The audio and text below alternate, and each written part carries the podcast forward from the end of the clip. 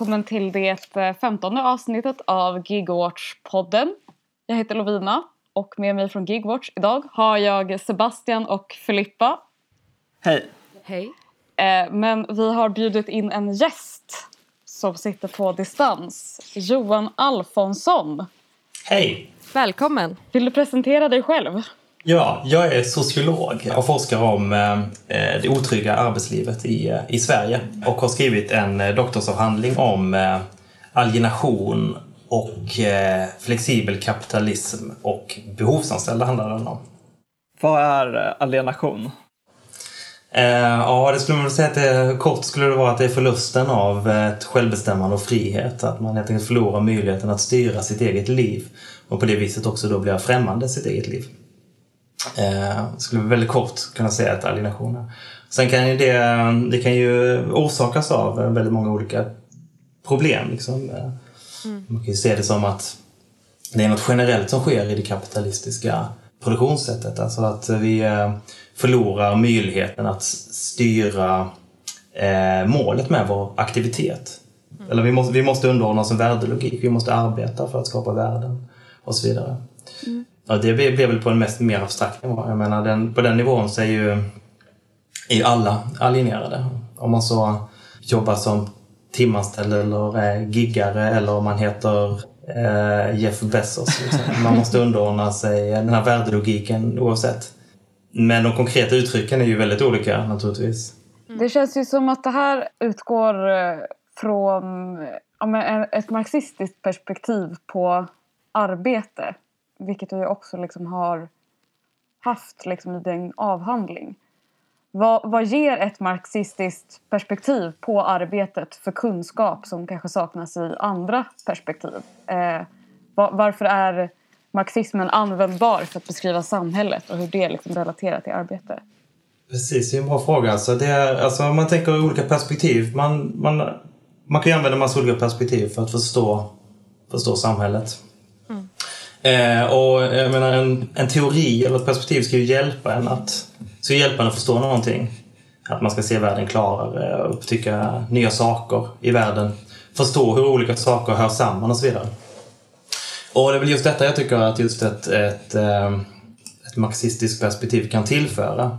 Min egen erfarenhet är att många gånger inom till exempel i arbetslivsstudier, när man ska studera arbetet, så fokuserar man på väldigt alltså, avgränsade områden och kopplar inte det till eh, alltså, något, liksom, till exempel det övergripande ekonomiska systemet eller sådär. Till exempel man kan fokusera på okay, men hur ska en organisation kunna skapa en god arbetsmiljö? Men man, ser, man, men man ser liksom inte den övergripande liksom anledningen varför, varför, till exempel, varför överhuvudtaget måste vi arbeta?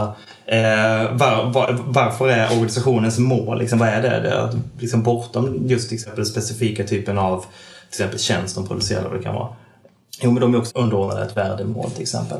Och jag tycker att ett marxistiskt perspektiv kan göra liksom att man kan få, att man kan liksom greppa flera olika nivåer samtidigt och man kan förstå hur eh, världen hör samman. En, en övergripande ekonomisk logik, den här värdeproduktionen liksom, som jag pratade om lite innan i relation till alienation, att den, eh, hur den påverkar organisationer och hur den i sin tur påverkar de som, an, som, som arbetar. Men perspektivet lyfter ju också naturligtvis upp en, en typ av, eh, eller kan fokusera på eh, konflikter i samhället och visa på att, vi har, att det finns olika intressen.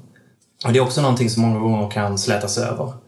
Att liksom man tänker att, eh, ja, men att det ligger kanske i allas intresse att eh, ha en så, en, en så väl fungerande organisation, arbetsplats som möjligt.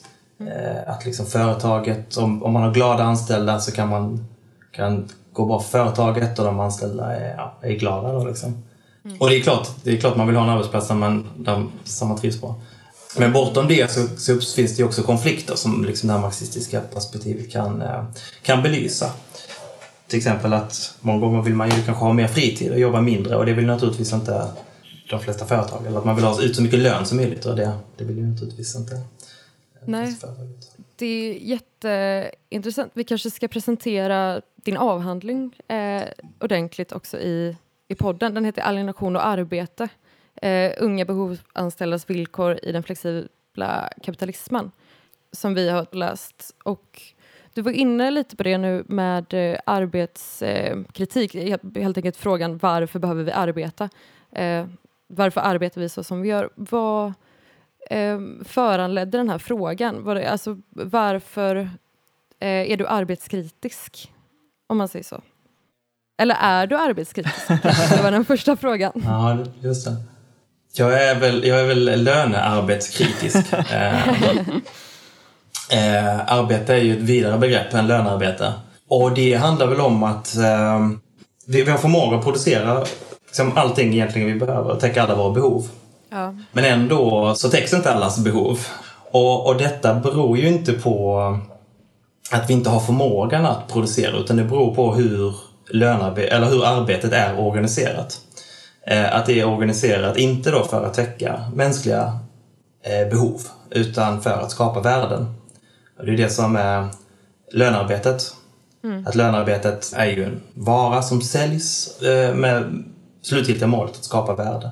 Och när arbete organiseras på det viset så slösas stora delar av det mänskliga livet bort egentligen på en rad meningslösheter. Det kan ju vara allting från att man gör ett arbete som man själv inte gillar överhuvudtaget. Eh, det kan vara att man är tvingad att jobba eh, fem dagar i veckan, eh, sju på morgonen till fyra på eftermiddagen och göra det i nästan hela sitt liv. Att inte träffa sin familj, sina vänner, sina barn och så vidare. Och syftet att man gör det till är ju inte, är ju inte egenvalt utan det är någonting som man, man har blivit, blivit tvingad att göra i, i det här då ekonomiska systemet som, som är kapitalismen. Och det här framstår som en... ehm, Det är liksom ett, ett stort slöseri med, med vår tid och våra liv. Och eh, därför jag är kritisk till lönearbetet är väl att hade, vi- jag tror att hade vi organiserat arbetet på ett annat sätt så hade vi kunnat få mer, större möjlighet att bestämma över våra liv och vad vi ska göra i dem. Och vi hade också kunnat ägna väldigt mycket mindre tid åt någon typ av nödvändigt arbete som man då ändå behöver göra för att upprätthålla en viss materiell standard och så vidare.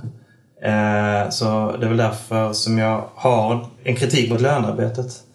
Men min kritik utgår ju också i avhandlingen egentligen från att inbyggt i kapitalismen så finns det idéer om, om en frihet. Att vi inte bara bör utan att vi också måste vara fria på ett sätt i kapitalismen. Vi måste äga vår egen arbetskraft.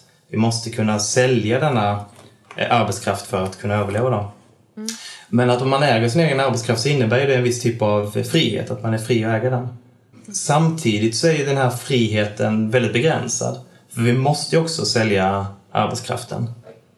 Marx pratar om detta som en, liksom en, en, en dubbel frihet. Att man är fri att äga sin arbetskraft å ena sidan men man också är fri från andra möjligheter att försörja sig. Då. Eh, vilket då tvingar folk att sälja sin arbetskraft för att överleva. Men den här, det finns ändå en idé om frihet och den, menar, den är ju väldigt stark i vårt samhälle idag. Att vi ska vara fria att styra våra liv. Vi hålls ansvariga för våra handlingar naturligtvis och så vidare. Men samtidigt så är vi väldigt begränsade. Att vår frihet begränsas väldigt mycket. Vi kan inte välja bort eh, att lönearbeta till exempel för då får, vi inga pengar som kan vi försörja oss och så vidare. Så att, så att vår frihet är väldigt begränsad och det är på många sätt lönearbetet som begränsar den friheten. När jag hör det här så tänker jag mycket på liksom det här som vi ser i gigekonomin till exempel med att eh, folk eh, ja, men är anställda liksom on demand. Eh, att man kanske tillbringar det mesta av dagen med att bara sitta och vänta på att få liksom, nästa pass. Vilket ju också liksom, återkommer i det här med behovsanställningar och eh, timanställningar.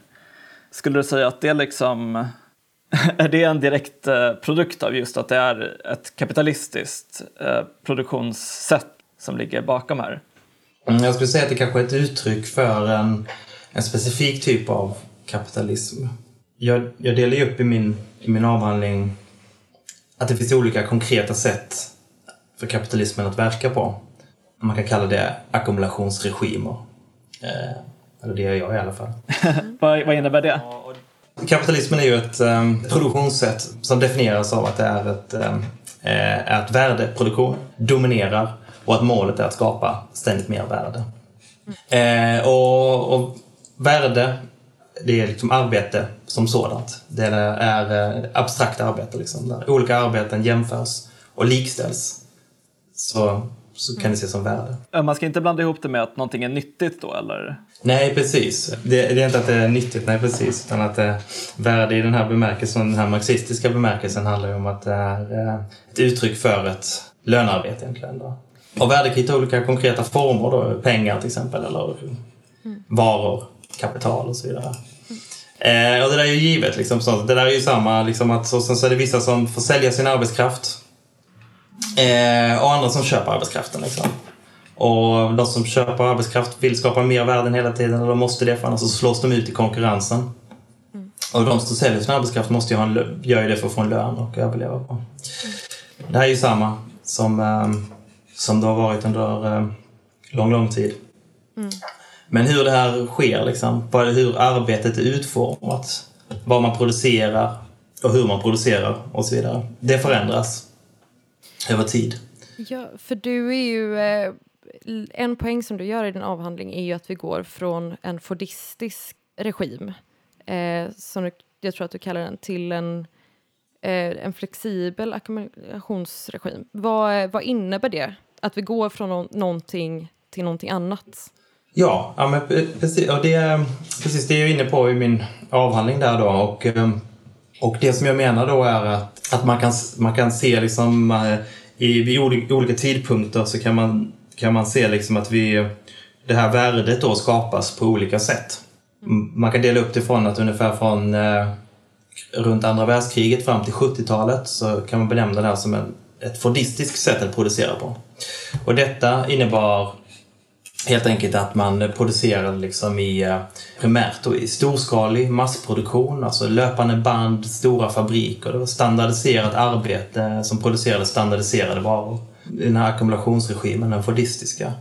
Eh, det var väldigt stor tillväxt under den här perioden och eh, arbetarrörelsen hade väldigt mycket makt också. Mm. Så det, det skedde väldigt stora löne, löneökningar med. Skulle du säga att den den här makten som arbetarrörelsen hade var kopplad till att det liksom gick bra för kapitalismen då eller? Mm, ja, det vet jag inte. Det tror jag nog mer har att göra kanske med att det, att, att det var också en väldigt välorganiserad egentligen arbetarrörelse på den tiden. Mm. Väldigt framgångsrika, framgångsrik både fackföreningsrörelse och eh, politisk rörelse. Eh, det kanske underlättade för arbetarrörelsen att flytta fram sina positioner då, på grund av att det var att tillväxten var så stor så det, det fanns liksom det fanns så, eh, så mycket tillväxt att eh, dela på helt enkelt. Mm. Och sen när det minskade så hårdnade konkurrensen om det. För det, det är du också lite inne på i din avhandling, att tillväxt hänger samman med, i alla fall i den här eh, i det här sammanhanget med arbetslöshet eller hur stor efterfrågan det är på arbetskraft.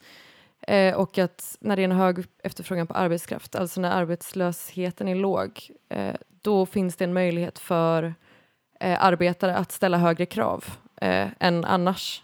Så det kan man säga är en av de viktigaste eh, fackliga verktygen, eller vad man ska säga, eh, är ju att se till att det är en låg arbetslöshet. För annars ställs arbetare mot varandra och tvingas konkurrera om det som de få jobben som finns. Så på det sättet kan man ju se att det hänger ihop. Ja. Men sen hände någonting med tillväxten då eller? Precis, tillväxten sjönk sen då under eh, slutet på 60-talet och under 70-talet. Man kan liksom se att här det började ske liksom ett problem i hur man då skulle kunna i tillväxten. Liksom då. En del i de här problemen var helt enkelt att det var väldigt mycket kapital som hade bundits upp i eh, eh så fast kapital, alltså i eh, eh, fabriker, liksom, eh, stora investeringar och så vidare. Eh, och det här gör ju också att om du binder upp massa kapital i fabriker och så vidare så det är väldigt svårt att ställa om om det sker förändringar i eh, mm. hur, liksom, konsumtionsmönster, konkurrens och så vidare. Mm. Eh, så det blir, det blir väldigt svårt att ställa om. Och en strävan här då blev ju att, eh, att göra kapitalet mer lättrörligt. Att röra sig bort från den här liksom mer rigida typen av produktion stor, liksom, till, en mer, eh, till en mer flexibel. Mm. Men eh, vad, eh, vad tror du är liksom anledningen? Varför blev det, varför blev det min, lägre tillväxt? Varför behövdes det plötsligt bli mer flexibelt? Jag tror det beror på många olika saker. en, en sån sak är till exempel då att eller när det skedde stora löneökningar så upp, uppmuntrades liksom företagen då att hela tiden försöka rationalisera bort arbete genom att investera ännu mer i, Eh, i det här fasta kapitalet. Liksom ännu mer i maskiner, ännu mer i fabriker och så vidare. Och det här i sin tur då ledde till, eh, man stängde möjligheten att förändra produktionen mer och mer. Liksom. Eh, och samtidigt så skedde det, ökade den globala konkurrensen också. Att eh, menar, man kan se liksom både att det började produceras, alltså det blir lättare att eh, transportera varor över, över jordklotet och att liksom, produktionen kom igång både i Östasien och i Sydamerika. Det här ledde ju också till, då, till en ökad en konkurrens. Och, eh, sen finns det andra så här med liksom, faktorer som att det kom ju också den här oljechocken kom ju liksom på 70-talet där liksom skapade väldigt stora problem också i, eh, i produktionen. Mm. Eh, som liksom tryckte ner tillväxten ännu mer. Så nej, jag tror det finns flera olika anledningar till det. Men, uh... men då blev liksom svaret på den här krisen att man från en massa företags sida försökte liksom göra arbetet mer flexibelt och att man också från då politiskt håll kanske försökte liksom lätta upp olika lagar och regler ja, på arbetsmarknaden. Kort kan man se det som det, liksom, att målet blev att göra det mer, att, att, att skapa större rörlighet i, i ekonomin. Eh, och det här är ju, var ju naturligtvis en politisk eh, kamp om hur man skulle göra det. En viktig start på detta var ju egentligen att luckra upp finansmarknaden. Alltså, om man tänker liksom av storskalig fabrikproduktion, kanske är den stel, mest stelbenta produktionen man kan tänka sig, så är ju den, finansmarknaden den mest rörliga. Liksom man med knapptryckning så kan man liksom flytta kapital liksom globalt, som i ljusets hastighet. Ehm, och, och, det blev en viktigare del i, i, i produktionen. Men man, det blev mer tjänstebetonat också arbetet. Man kan säga alltså globalt att eh, tjänstesektorn ökade väldigt mycket. Arbete som utförs i tjänster är naturligtvis är lättare att ställa om än en fabrik. Mm. Det är mer flexibelt. Eh, men sen är ju också eh, industriproduktionen är fortfarande väldigt viktig i, idag. Liksom. Det är fortfarande en, en väldigt viktig källa till eh, tillväxt. Eh, men hur man producerar ställer sig också om mot en mer sån här just-in-time-centrerad typ av produktion. Och det här innebär ju egentligen att man producerar med helt enkelt på något sätt on demand, liksom, och, eller är målet. Och att man ska ta bort lagerhållningen. Och att man ska, man ska egentligen inte ha några lager utan man ska producera precis när liksom, så nära varan konsumeras som möjligt. Eller det underlättar om man kan ha precis så många anställda som man behöver hela tiden. Alltså att om efterfrågan går upp ena månaden så ska du kunna ha precis så många anställda du behöver. Om det går ner nästa månad så ska du liksom kunna sänka antalet anställda. Och för att göra detta så krävs det att du luckrar upp arbetsrätten eh, som gör att det blir lättare att anställa mm. folk eh, på korta kontrakt. Men det kräver ju också att det står alltså människor redo att hoppa in eh, och jobba då eh, när det här behovet uppstår. Så det måste alltså finnas överskott på arbetskraft helt enkelt. Det måste vara, väldigt många, det måste vara många som är arbetslösa. Mm. En sorts liksom reservarmé som står redo att täcka in vid topparna. Helt. Ja men precis, precis. Fick in mer mark där också med den här reservarmén. Exakt. Men för det, detta är ju jätteintressant och jätterelevant för att liksom förstå, eh, sätta gigekonomin i en kontext. För du har ju liksom som en trestegsraket med liksom produktionen förändras, detta leder till att arbetsprocessen förändras, vilket leder till att arbetet som sådant ändras. Eh, som jag har förstått det. Ja, ja, precis. Jag tänker att det så mycket som verkligen så här påminner om gigekonomin i det du säger. Alltså dels det här med såklart att det finns den här on-demand-modellen eh, där folk hela tiden står redo för att arbeta. Men också såklart det här med liksom att företag väljer bort att investera i fast kapital och typ saker. Till exempel som med Uber liksom, eh, eller med Foodora. Att de inte liksom köper in cyklar och bilar till de som kör för dem. Och att det också gör de här företagen så otroligt liksom flexibla i den bemärkelsen att de liksom kan typ lämna ett land om de inför lagar och regler som gynnar de som jobbar för företagen, som Foodora till exempel gjorde i Kanada för något år sedan. Då är det bara liksom att liksom avaktivera appen för det landet. Så står alla förare kvar där med sina bilar och cyklar liksom. Ja, det, det, det, precis. Det blir liksom när man drar det som längst det där på något sätt. Alltså, jag menar, man, när de, inte ens, de behöver liksom inte ens äga, precis som du säger, cyklar. Utan det är, och alla anställda, eller om de ens är anställda, är det på väldigt korta kontrakt. Mm. Och det, för något eh, som ofta sägs idag, om vi ska liksom prata lite, fokusera på nutid, det är ju att de här Marx gamla teorier om hur arbete och kapital funkar, det gäller inte, det stämmer inte i dagens liksom, high-tech-ekonomi. Eh, och att gigekonomin är liksom, eh, ett, ett, ett, exempel på när det inte stämmer. Typ. Eh, för att till exempel är ju då frågan med vad är produktionsmedel? Till exempel en, ett nyckelbegrepp för Marx som ligger i kapitalistens händer. Men i gigekonomin så skulle man ju kunna hävda att produktionsmedlen ligger i arbetarens händer. Att om jag äger min cykel och väljer att cykla runt eh, va, eh, mat eh, på den, äger inte jag då både eh, min tid, att jag kan bestämma när jag vill arbeta, och mitt produktionsmedel som är min cykel? Vad, vad tänker du om det? Mm, men det är en jätteintressant fråga verkligen. Alltså det där. Um, men jag tänker, jag tänker så här att uh, det är, man måste skilja här på arbetsredskap och produktionsmedel. Det är inte, det är inte samma sak. Um, Vad är skillnaden? Ja, alltså ett arbetsredskap är ju egentligen vad som helst man kan använda. Det kan ju vara alltså en cykel till exempel, någonting du behöver för att utföra ditt arbete.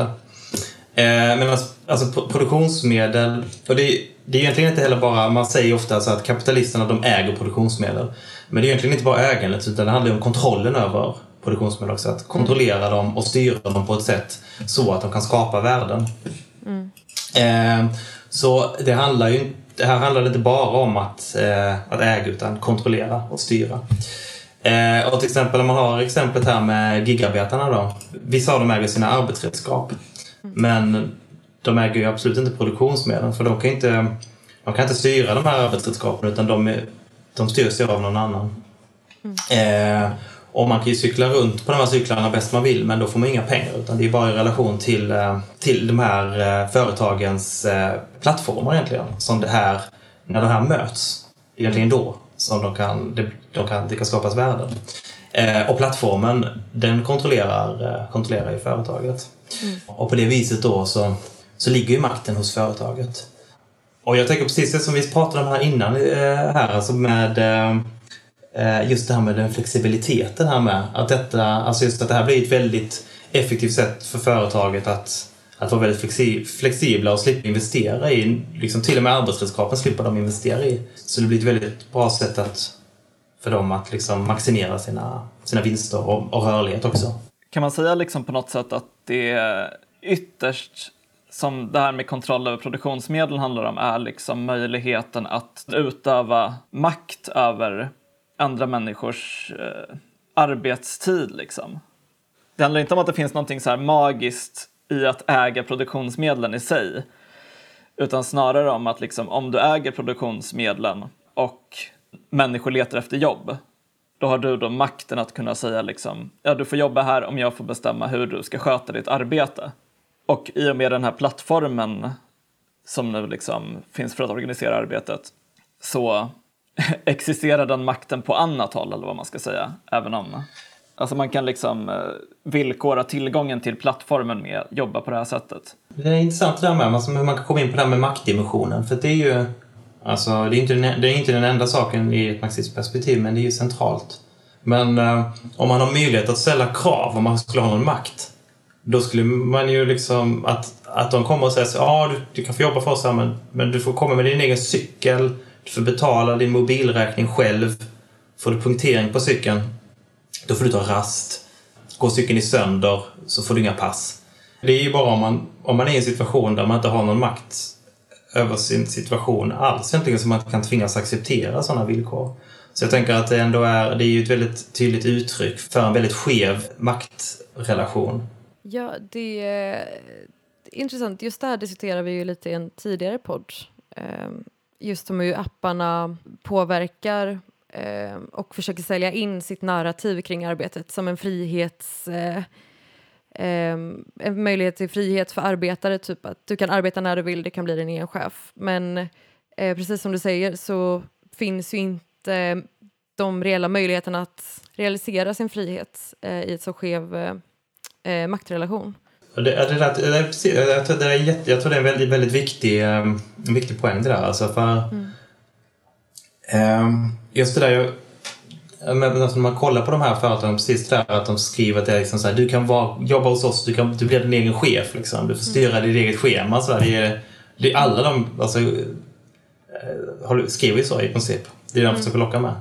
Ja. Um, och, och det där, det där, den där liksom idén, och, det, och det, då tänker jag liksom, då ställer man ju det mot det här tidigare, kanske så en idé om något sånt här ja, men, att jobba fem dagar i veckan, sju på morgonen till fyra på eftermiddagen eller stå vid ett löpande band helt bunden, liksom någon chef som bara övervakar dig och så nu är du fri och bara cyklar runt. Eh, men det där bygger ju på eh, en idé om att man, att, att man har liksom fri tillgång till, eh, till pengar och att man bara cyklar runt för skojs skull egentligen då och levererar, om, man nu, om det är nu det man gör då, liksom, levererar maten och sånt där. Och så ser det ju naturligtvis inte ut. Och tvärtom, det är många gånger att folk jobbar i de här jobben för att de inte kan få något annat jobb. Eh, och då och har vi inga möjligheter att liksom, till exempel säga nej till timmar. Det är ju under grunden i friheten då att man, ja, men du jobbar lite när du vill. Det krävs liksom att du kan säga nej till timmar och du bara säger men idag känner jag för att jobba. Um, och det här är ju någonting med jag säger i min avhandling då, då är det inte just gigarbetare, det är timanställda, sådana behovsanställda jag studerar, men det, det är exakt samma logik. För det är med samma liksom att det finns en föreställning i att så men det, är, det är jättebra, du kan jobba lite, lite när du behöver och vill och sådär. Och jag kan ju se i min avhandling att ja, men det finns ju vissa som, som har det så. Men det är ju personer som har också en, eh, eh någon ekonomisk trygghet någon annanstans ifrån. Eller att de faktiskt är garanterade, informellt i alla fall, ett visst antal timmar i veckan som de vet om att de kan eh, eh klara sig på. Att de kan betala sina räkningar med och så vidare. Eh, så att alltså friheten bygger hela tiden på att man har ekonomiska resurser på olika sätt. Jag tänkte bara flika in att det är, det är roligt att de marknadsför sig med det här att man ska vara sin egen chef. Som att det är någonting positivt.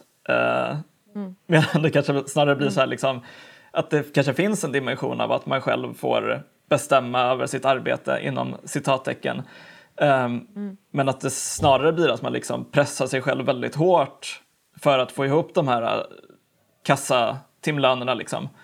Mm. Uh, och sen inte ens har någon annan att liksom vara sur på än sig själv.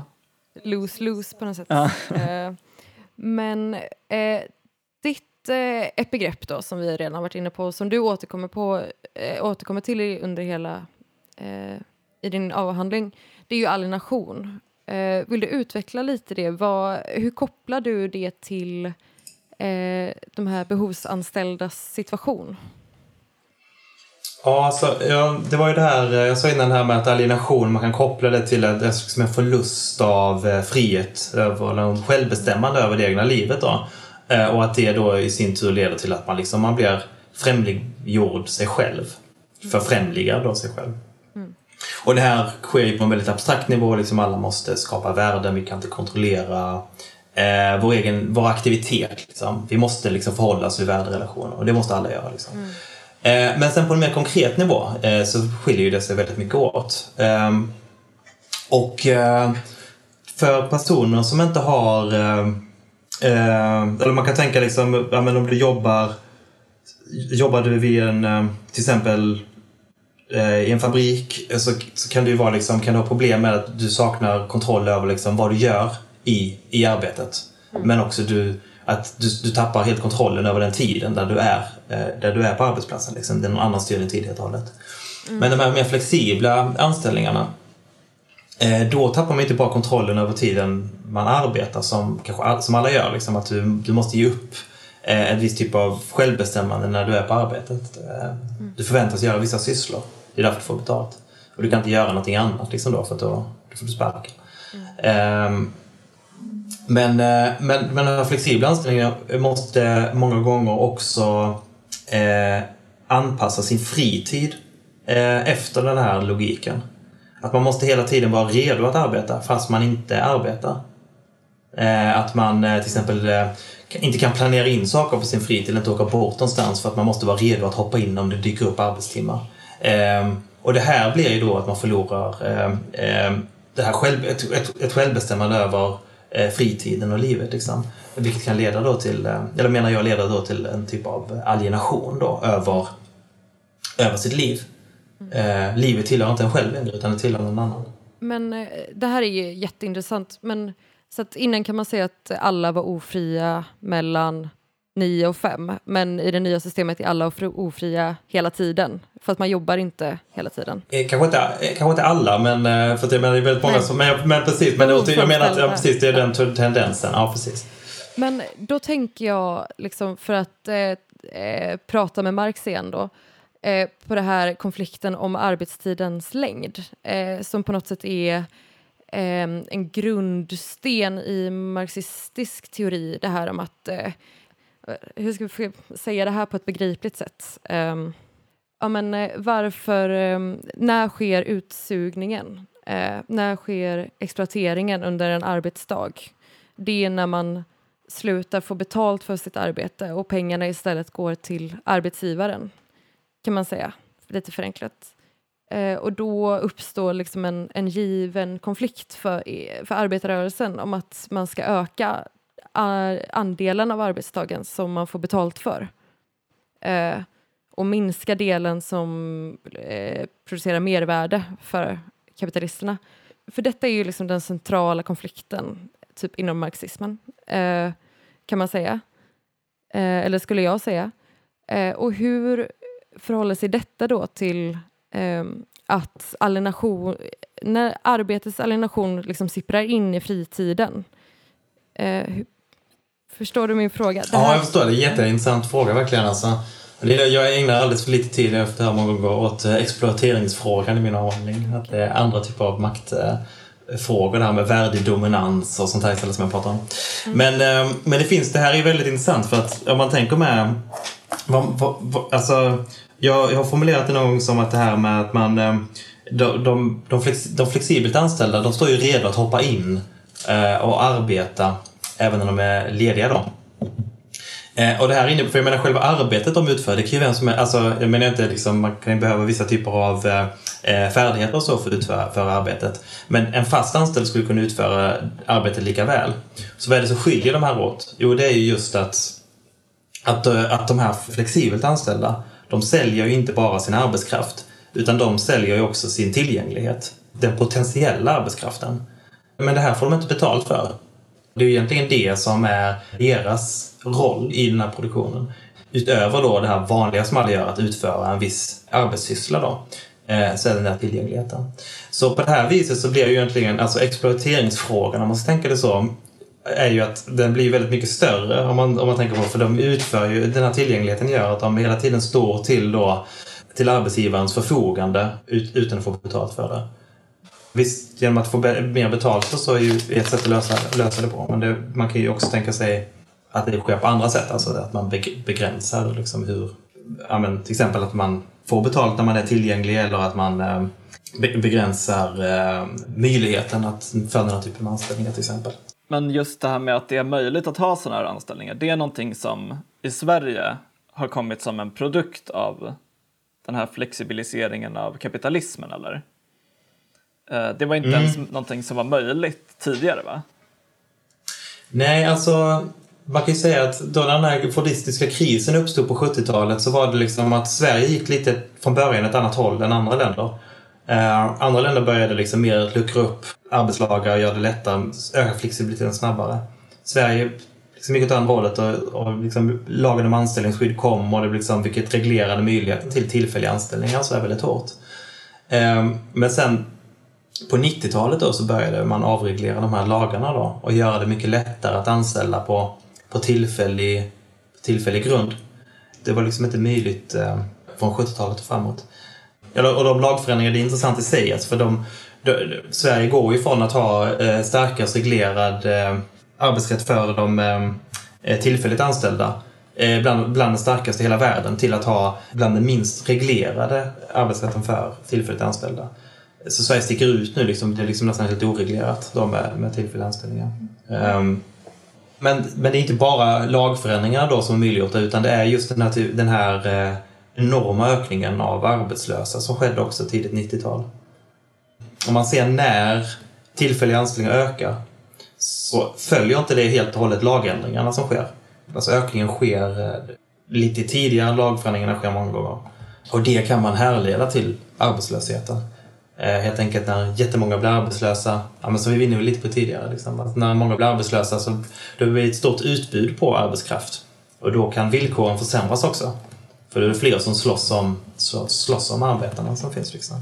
Så att, och då kan tvingas acceptera då arbete med sämre villkor. Arbetslöshetsnivån är också väldigt viktig här. Vad beror det på att arbetslösheten ökade så mycket? Ja, det är många faktorer där som ligger bakom. Men man kan ju väl säga att det, man ändrade ju ekonomisk inriktning i Sverige. Tidigare hade det övergripande målet varit att ha full sysselsättning. Att alla skulle vara i arbete. Mm. Och det släppte man under tidiga 90-talet och istället ville bekämpa inflationen. Mm. Eh, och det blir lite motsats eh, faktiskt för att tank tanken var ju då att om vi har en för hög eh, inflation eh, då blir det för dyrt liksom att sälja Sverige är liksom exportberoende, varorna i Sverige blir dyra att sälja utomlands och därför kommer produktiviteten i Sverige minska och då i förlängningen leda till mer arbetslöshet. Liksom. Det är därför man vill ha ner inflationen. Men eh, samtidigt, för att få ner inflationen så behöver vi också ha en, eh, en arbetslöshet. Arbetslösheten får inte bli för låg. Ehm, så att man liksom, egentligen har man ju på många sätt också sett till att arbetslösheten liksom inte blir för låg. De arbetslösas arbetslösa eh, villkor också försämras väldigt mycket. Eh, syftet med det har ju varit, och det är ju helt explicit i propositioner och lagförändringar, liksom, att man skriver det att, att syftet är att se till så att eh, lönerna inte, inte går upp. Eh, och det är därför det är viktigt att se till att de arbetslösa eh, att a-kassan försämras till exempel, blir svårare att få tillgång till a-kassan och så vidare. Mm. så att på det viset har man varit helt medveten om den här, den här typen av eh, eh, maktrelation som finns på arbetsmarknaden. Att de arbetslösas roll liksom, i att påverka, att påverka villkoren. Hur har man sett till att arbetslösheten inte blivit för låg?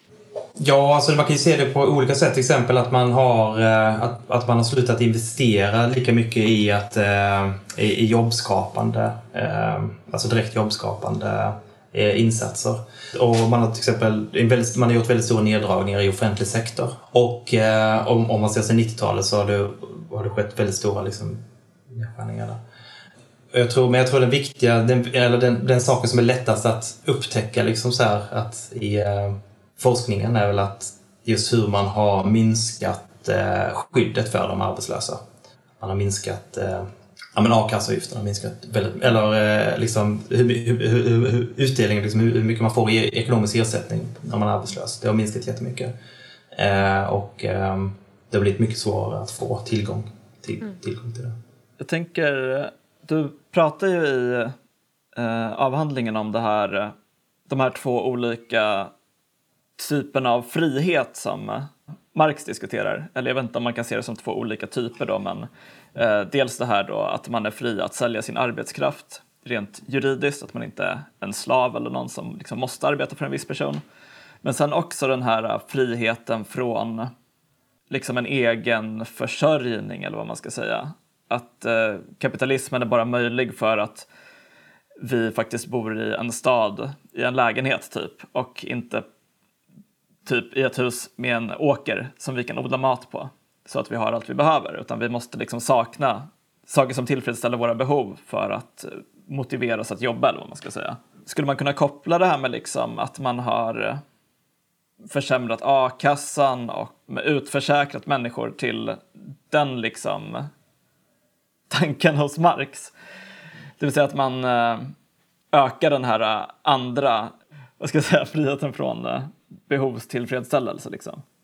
Ja, just ja, precis. Alltså, man kan se det som att man blir helt enkelt, för jag menar precis alltså när man pratar om, eller när jag pratar om det här att, eh, att alla är beroende av man är beroende av arbetet, sitt lönearbete för att klara sig.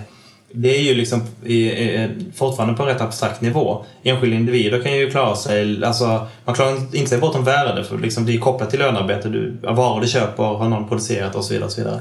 Men ehm, man är beroende av olika typer av inkomster men de, de kan ju komma liksom, det kan ju komma från olika håll. Du kan ju liksom ärvt massa pengar alltså, liksom, eller vad man nu har gjort.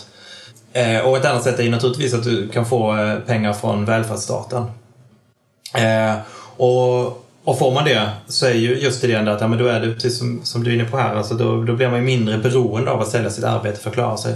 och är man mindre beroende att sälja sitt arbete, eh, ja men då behöver, ju, då behöver ju arbetsgivarna erbjuda bättre och bättre villkor för att få en att eh, gå med på att jobba. Annars kan man bara säga nej, jag har det bra ändå. Jag menar, det här har ju varit en jättestor konflikt under 2000-talet. Liksom, hur, att liksom, man har byggt upp narrativ att folk eh, lever på bidrag, eh, latmaskar eh, och så vidare. Och att vi därför måste minska bidragsberoende och allt vad det mm. Men egentligen Men, så eh, finns det liksom en mer eller mindre så direkt koppling mellan att det blir svårare att eh, försörja sig utan ett jobb och att typ villkor och löner dumpas i jobb. Ja, men precis. Och det är ju som sagt, det är ju inte heller, det, det är intressant för det där, det där är inte bara en vänster, liksom någon idé liksom, som kommer från liksom vänstern eller från marxistiskt perspektiv utan det där är ju någonting som är full medvetenhet inom, i, inom den politiska högern också. Och när jag studerat som sagt lagförändringar och så och hur de har motiverats så finns ju detta med. Det, det är en av anledningarna, eller helt explicit varför de vill minska till exempel alltså förändra a-kassan och sådär, när alliansregeringen gjorde det. Så att, och det är samma under det tidiga 90-talet, liksom, när, under Bildt-regeringen där så hade man de här idéerna med, även om man inte gick så långt då. Men man gjorde en känd utredning, där, den här, som hette Lindbeck-kommissionen, där, som kom med en, en utredning. Och där, och där är det, efter nationalekonomen Assa Lindbeck då, som var med i den här kommissionen. Och, och där är det ju med, liksom, de här sakerna är ju väldigt explicita där. Att det handlar om att om, man, om, om de som är arbetslösa inte har det lika bra så kan man få ner lö, lönerna och få ner villkoren och på det viset också öka konkurrenskraften är ju då deras syfte naturligtvis. Eh, ja, men, alltså, jag tänkte lite också på att eh, Sverige liksom gått från så himla stark eh, så här, arbetsrättsskydd och lagstiftning till ja, men det som är idag där man liksom inte har någon form av alltså nästa, alltså det finns otroligt lite alltså lagligt skydd för att så här, jo men alltså den svenska arbetsmarknaden ju bygger på den här svenska modellen liksom med mm. fackförhandlingar istället för så här, lagliga regleringar. Men det som liksom slår mig hela tiden är att, att jag har typ svårt att förstå för att vi har ju ändå, även om så här, ja det var Bildt-regeringen där på 90-talet och sen en alliansregering typ en gång på 2000-talet så har det ändå varit liksom alltså vänsterregeringar mest. Eh, och hur man liksom har gått eh, alltså gått med på det här att, eh, och liksom inte typ förbyggt eller liksom alltså liksom som är ju mycket mer höger än liksom många andra liksom högerländer. Ja, men det där är jätteintressant för det är inte bara det att de, att eh, de socialdemokratiska regeringarna Eh, egentligen både redan på 80-talet, eh, 90-talet och 2000-talet. Det är inte bara det att de har försökt motverka det här utan de har varit helt drivande i den här utvecklingen. Eh, och det, det, är också väldigt viktigt, tänker jag, i, eh, när man vill förstå hur arbetsmarknaden, liksom varför den har förändrats på det här viset mot att bli allt mer flexibel. Att det här är ju liksom en, en ideologisk förskjutning som har skett inom hela det politiska spektrat eh, Eh, och som har dominerat både då den politiska vänstern och den politiska högern. Och de, de mest radikala förändringarna inom lagen om anställningsskydd det är det, socialdem det är socialdemokrater som har genomfört det. Det var en som skedde 97 och sen var det genomförde de en som var 2006. Men den som de genomförde 2006, eh, den hann rivas upp. Eh, alltså de, den röstades igenom i riksdagen men sen hann den liksom inte ratifieras för den, den revs upp av alliansregeringen. Och sen införde de en likadan lagförändring 2007 då som var som ledde till allmän visstidsanställning. Kan du inte berätta lite om vad det var för lagförslag? Ja, eh, grunden egentligen var att eh, Socialdemokraterna först 1997 så gjorde de det införde de, tidigare hade det funnits starka begränsningar när man fick anmäla tillfälligt anställda. Man fick bara göra det om det var liksom arbetets särskilda natur eller om det var en tillfällig arbetstopp. Liksom. Och då fick det bara vara en viss tid. Det kunde också vara liksom ett vikariat eller liksom, eh, om någon var sjuk, alltså ha en ersättare till det. Sådär. Eh, 97 införde man eh, ett undantag från detta, att man fick ha fem anställda som eh, tillfälligt anställda eh, på ett företag eh, utan någon anledning. Men sen 2006 då, då ville man genomföra en förändring att man tog bort alla de här liksom, specialreglerna och istället skulle arbetsgivarna få anställa på tillfällig grund utan någon anledning alls man skulle få göra det, man skulle få en sån anställning i 14 månader som längst. Man la ut det här på remiss och sådär med facket, eh, LO, TCO, alla var med på detta. Eh, alla tyckte det var en bra idé. LO tyckte man skulle begränsa det till 12 månader istället. Liksom, arbetsgivarna tyckte man skulle öka det till 24 månader. Men vad, alltså, vad, är, vad är typ LOs så här, argument för att det här är en bra grej? Det, det känns liksom obegripligt. Ja, de argumenterar för att det handlade där om, eh, i det här remissvaret så handlade det om, om jag minns rätt, om att, eh, alltså att man tycker att det förenklar reglerna. Det blir tydligare vad det är som gäller. Tidigare fanns så många olika typer av tillfälliga anställningar. Nu får man en. Men på den tiden verkade det också som att man var rätt ointresserad av de tillfälligt anställdas villkor. Som att det, det var liksom, man var mer fokuserad på de fast anställda. I alla fall eh, min uppfattning av det. Ja, så som sagt, det var ju både fackföreningsrörelsen och Socialdemokraterna var ju var helt med på den här förändringen. Men sen fick Alliansen på hösten 2006 då, eh, eller lagförändringen skulle implementeras eh, 2007, men Alliansen han får eh, makten innan dess rev upp eh, lagförändringen och införde då den allmänna visstidsanställningen istället. Som är exakt likadan som den här som sossarna införde, men med skillnaden att den fick vara då i 24 månader istället för 14. Eh, så så egentligen, som sagt, det, det, det är bara mindre skillnader mellan, mellan de här regeringarna gällande den frågan. Och det är intressant, det, kan man, det är på något sätt att man kom, liksom att det blev ett politisk konsensus på 90-talet nästan om att, att det fanns en konflikt mellan starkt eh, eh, anställningsskydd och arbetslöshetsnivå. Eh, alltså helt enkelt att man, man började prata om det på ett sätt som att folk kommer inte in på arbetsmarknaden på grund av att vi har så starkt anställningsskydd om vi sänker det så kan vi liksom minska arbetslösheten. Och, vilket är ju intressant sagt eftersom man då också samtidigt också har övergett idén om eh, full sysselsättning och också då vill ha en eh, eh viss arbetslöshet för att hålla ner inflationen. Så Men jag tänker, vad är anledningen till att det har liksom skiftat så mycket mot att handla om att liksom sänka villkoren och sänka lönerna? Är det bara ideologiskt eller finns det liksom jag, jag, tänker en grej som vi har varit inne på lite i podden tidigare är att um, det verkar som att det nästan är så här i en liksom industriproduktion så är det lättare att höja lönsamheten genom att typ investera i ny teknik. Medan i många så här, tjänster så verkar det snarare som att typ det lättaste är att eh, men liksom dumpa villkoren för att det är så pass dyrt och komplicerat att typ bygga en så här Foodora-robot som levererar mat. Vad är det som liksom ligger bakom att det har blivit så här? Du är inne på ett väldigt intressant spår där tror jag. Alltså det där med Alltså precis, alltså att du menar vad har man om du har en tjänst liksom? Vad gör du? Det är klart tjänster ser ut på väldigt många olika sätt men men säg om man tar Foodora, alltså jag menar du betal, det enda du har är du har appen liksom som de äger, alltså företaget äger. Ehm, de äger inte ens cyklarna. De är med jackor och de väska kanske då liksom. Eh, alltså menar bara, det finns inte så mycket att rationalisera här. Eh, och vad, vad finns det kvar då? Ja, men det är ju precis som du är inne på liksom, det är ju det är arbetsvillkoren. Jag menar, det är ju det är naturligtvis för alla, alla företag är ju, vill ju hela tiden effektivisera sig och rationalisera sin produktion. Producera bättre, snabbare, billigare liksom. Mm. och i tjänster, hur ska man göra det? Liksom? Ja, men då, då fokuserar man ju väldigt mycket på själv direkt i relation på att styra arbetet och arbetets villkor. Hänger det samman då med att vi har gått mot en tjänsteekonomi? Jag har inte tänkt på detta på det viset tidigare men det, jag tycker det här det låter som en eh, väldigt klok idé. Att, eh, att, det, att, att det hänger samman med detta. Ja.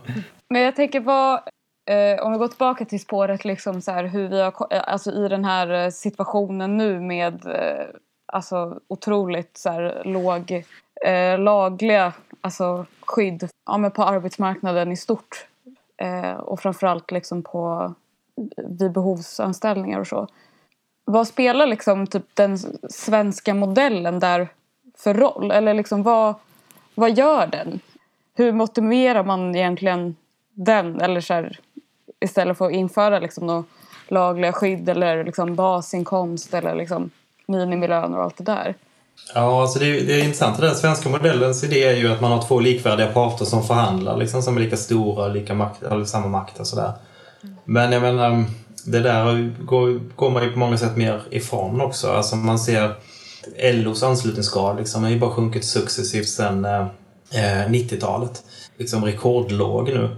Eh, så jag menar, fackens makt, eh, framförallt LO-facken, har ju minskat jättemycket. Mm. Och man når väl en punkt där fackföreningens makt blir så, så låg så att den här svenska, för den här svenska modellen har ju, alltid, har ju på många sätt gynnat arbetstagarna väldigt mycket historiskt. Mm. Men det öppnar ju också upp för, för, alltså eftersom det är så lite reglerat i Sverige, så öppnar det ju upp för också att eh, arbetare som inte har någon makt och ingen, ingen röst liksom, kan ju bli väldigt utnyttjade. Och det är inom lagens ramar också då eftersom det är väldigt mm. lågreglerat. Då. Ja, och det, är också, det finns ju en del eh, regleringar. LAS till exempel är ju, om man sätter sig ner och läser LAS så är det på många sätt mer progressivt än vad man tror, tyckte jag när jag satte mig ner och läste LAS en gång.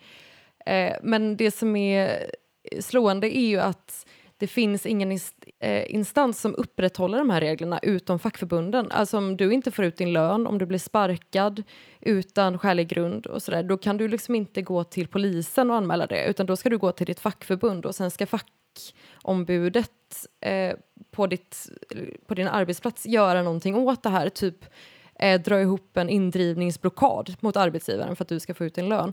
Och det finns det då inte muskler i fackföreningsrörelsen eller om det inte finns kunskap, eh, juridisk kunskap bara, så blir det mm, liksom väldigt ihåligt. Svenska modellen har ju många styrkor men också många svagheter när mm, anslutningsgraden, också skyddsombuden som är liksom de som är ute på arbetsplatser, när, det, eh, när de minskar. Det kom ju en nyhet för någon månad sedan om att det, det är typ eh, bara på några år halverats med antal skyddsombud i Sverige. Vilket borde varit en jättenyhet. Uh, ja. Det är lite stickspår. Men liksom, vad, borde man, vad borde man göra? Vad kan liksom vägen fram för liksom, den här eh, kaotiska laglösa arbetsmarknaden man har nu vara? Det är ju naturligtvis inte helt lätt det, men jag tror att en viktig del i det är ju nog just den här som jag varit inne lite på med eh, det ekonomiska skyddet. Alltså helt enkelt om man har ett starkare ekonomiskt skydd så kommer de personer som är i den här typen av anställningar kommer få det ett mycket mer drägligt liv. Alltså om man har tillgång till en a-kassa till exempel. Eh, och man kommer inte behöva acceptera vilka villkor som helst. Eh, så jag tänker att båda de här, alltså att, att om man får ett starkt ekonomiskt skydd så kan det här förbättra villkoren för de som jobbar men också förbättra situationen för de som får för lite betalt i sitt arbete eller som är helt arbetslösa. Så jag tror att det är en, eh, jag tror att det är en, en rätt central väg att gå. Sen kompliceras ju det här rätt mycket av att eh, man vet ju att många som har eh, som jobbar till exempel inom gigekonomin är ju inte svenska medborgare.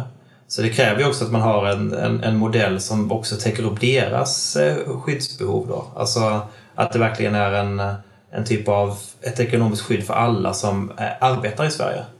Och inte bara liksom, de som är, eh, och som är här på liksom, rätt, rätt korta arbets, eh, kort, alltså, arbetstillstånd och så vidare. Då, att de också har rätt till den här typen av, av skydd. Eh, för det är klart att om, om ens rätt att vistas i landet blir knutet till att ha en anställning så kommer man ju, alltså det, kommer, då, det driver ju på det här att man måste acceptera vilka villkor som helst ännu starkare naturligtvis. För då är det inte bara det rent ekonomiska, det kanske till och med rent existentiellt. Liksom så här, liksom att du kan tvingas till ett land där ditt liv är i fara.